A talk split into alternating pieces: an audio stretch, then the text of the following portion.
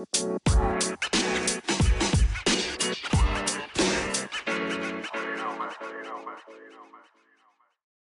hey, super tof dat je luistert naar een nieuwe aflevering van de Positief met Pubers podcast.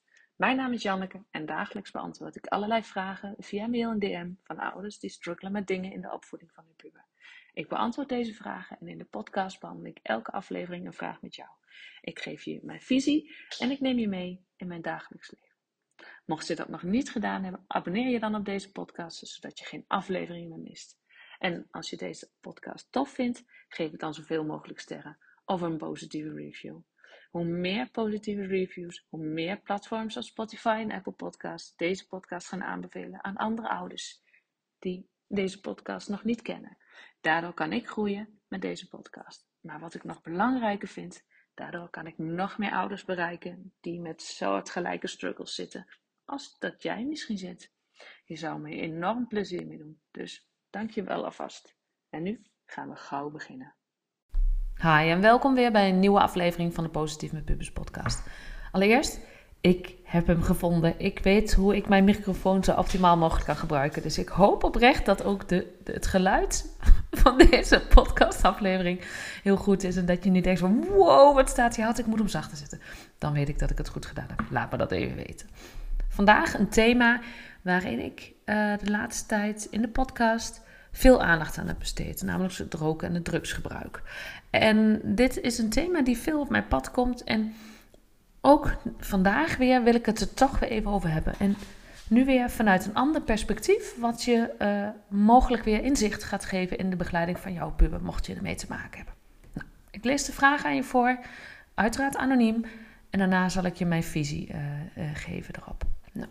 De vraag was: Hey Janneke, misschien uh, nog tips voor ouders waarvan de zoon veel jointjes rookt, uh, school niet zo nauw neemt en afgelopen weekend Sana heeft geslikt.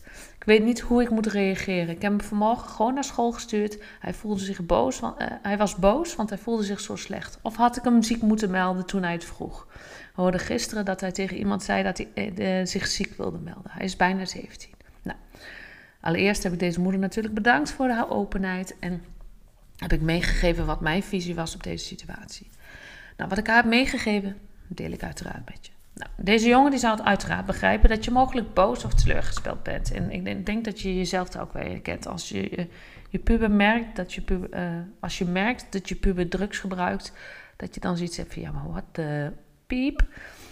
Nou, dat. En dat, dat roept emoties bij je op. Boosheid, teleurstelling, maakt niet uit. Maar als je je bedenkt deze emoties zullen je niet helpen om het vervolg helder te krijgen, om het gesprek aan te gaan. Want dat is wel heel belangrijk. Ik zou namelijk het gesprek aangaan en mijn zoon in dit geval, of mijn puber in dit geval, vragen wat zijn motivatie is geweest om, nou ja, om te gebruiken. Om, te, eh, om drugs te gebruiken, om, om die joint te nemen. En waarom? En dan dat zonder oordeel aan te horen. Dus enkel Vragen naar zijn motivatie, vragen naar zijn visie en die proberen te begrijpen. Daarna kan je dus vanuit die situatie van verbinding zonder oordeel van elkaar, kun je afspraken maken over het vervolg. En de mogelijke gevolgen uiteraard van het misbruik van pillen en drugs. Dus de focus ga je dan niet direct leggen op het straffen, maar op het aangaan van het gesprek en de verantwoordelijkheid en het vertrouwen die je dan naar hem kan uitspreken. Dus niet zeggen dat het niet meer mag. En je mag dat niet. Nou, je kent het wel. Maar eerder, het is jouw verantwoordelijkheid. En ik, in dit geval als ouder, verbied het je niet. Maar ik vind het wel heel vervelend en teleurstellend als ik merk dat je het nog weer kan doen. Want, en dat zeg ik natuurlijk niet. Ik denk namelijk dat verbieden geen zin heeft. Want dat, daarmee trigger je alleen maar van, ja, maar ik mag het niet. Maar waarom mag dat dan niet? Interessant. En was even een side note. Mijn inziens was het heel terecht dat deze moeder hem niet ziek gemeld heeft. Want dit is een consequentie van een keuze die hij heeft gehad. Hij voelt zich slecht. Grote kans dat het slecht voelen komt als gevolg van drugsgebruik. Dus dit is een consequentie van zijn keuze. Of zoals mijn moeder al vroeger altijd zei, maar dan in dialect. S'avonds een keel, s'morgens een keel. Oftewel, s'avonds een keel, s'morgens een keel. Niet gemakkelijk, maar wel een hele belangrijke les. De moeder, eh, het gesprek ging nog even door. Ze vroeg mij: is huisarrest dan wel of geen goed idee? Want hij wil zaterdag alweer weg. Nou, Wat ik moeder heb gevraagd is, is of dit een sanctie is die ze regelmatig gebruikt. Want als dit iets is wat structureel een sanctie is, een privilege wegnemen, weet je, prima. Maar overweeg je hem te laten gaan, wat ik zou doen, denk ik, in deze situatie, dan zou ik er echt hele strenge restricties aan koppelen. Geen blowen en geen slikken. Anders weg alle privileges. Dus daarmee geef je hem dus het vertrouwen om zijn tussen haakjes fout goed te maken, zeg maar. En met deze optie geef je hem ook het vertrouwen dat hij het opnieuw mag proberen. Niet eindeloos natuurlijk, maar je geeft hem een tweede kans. En dat is wat je bij jonge kinderen eigenlijk ook doet. Vergelijkend met van de fiets vallen. Uh, leren fietsen. Je valt en staat weer op. Dus, nou ja, fout. Eigenlijk maken ze geen fout. Ze, nou, ze vallen en staan weer op en proberen opnieuw. Wat je puber nu eigenlijk heeft gedaan, hij is gevallen, hij heeft een tussenhaakjes fout gemaakt om dat te doen. Je staat weer op en je probeert het opnieuw. Dus je geeft hem weer opnieuw het vertrouwen dat hij het opnieuw mag proberen. Dat hij die tweede kans heeft. Maar wel heel duidelijk, merk je dat hij nu weer gaat blowen of slikken, dan zijn de privileges direct weg. Is daar ook geen gesprek over mogelijk. Dat moet je dan heel duidelijk zijn en heel consequent zijn en ook je houden aan je eigen afspraken. Dus spreek tijdens je gesprek uit dat je vertrouwen in hebt dat hij hierin de keuze maakt die goed zijn voor zijn gezondheid. Dus niet meer blowen, niet meer slikken. Nou, moeder geeft aan dat hij dit inderdaad met hem heeft afgesproken en dat mijn feedback hem heel erg, heel, haar heel erg heeft geholpen. Ik denk ook dat het een verstandige benadering is om met de situatie om te gaan door hem een nieuwe kans te geven. Want het is namelijk belangrijk om open en eerlijke gesprekken te voeren met je puber en hem de ruimte te geven om zijn kant van het verhaal te delen.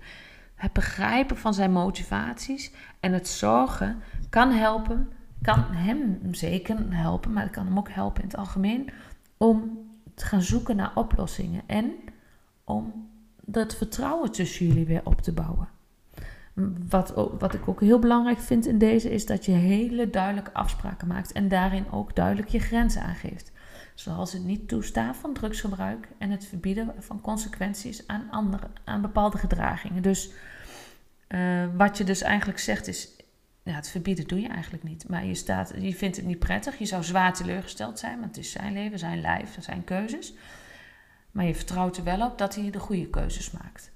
En het belangrijkste is om hem te laten zien dat je om zijn welzijn geeft en dat je er dus bent om hem te begeleiden, te ondersteunen en te inspireren. Zelfs als je het niet eens bent met sommige keuzes die hij heeft gemaakt. Nou ja, wat ik al zei, huisarrest kan een heel effectieve maatregel zijn.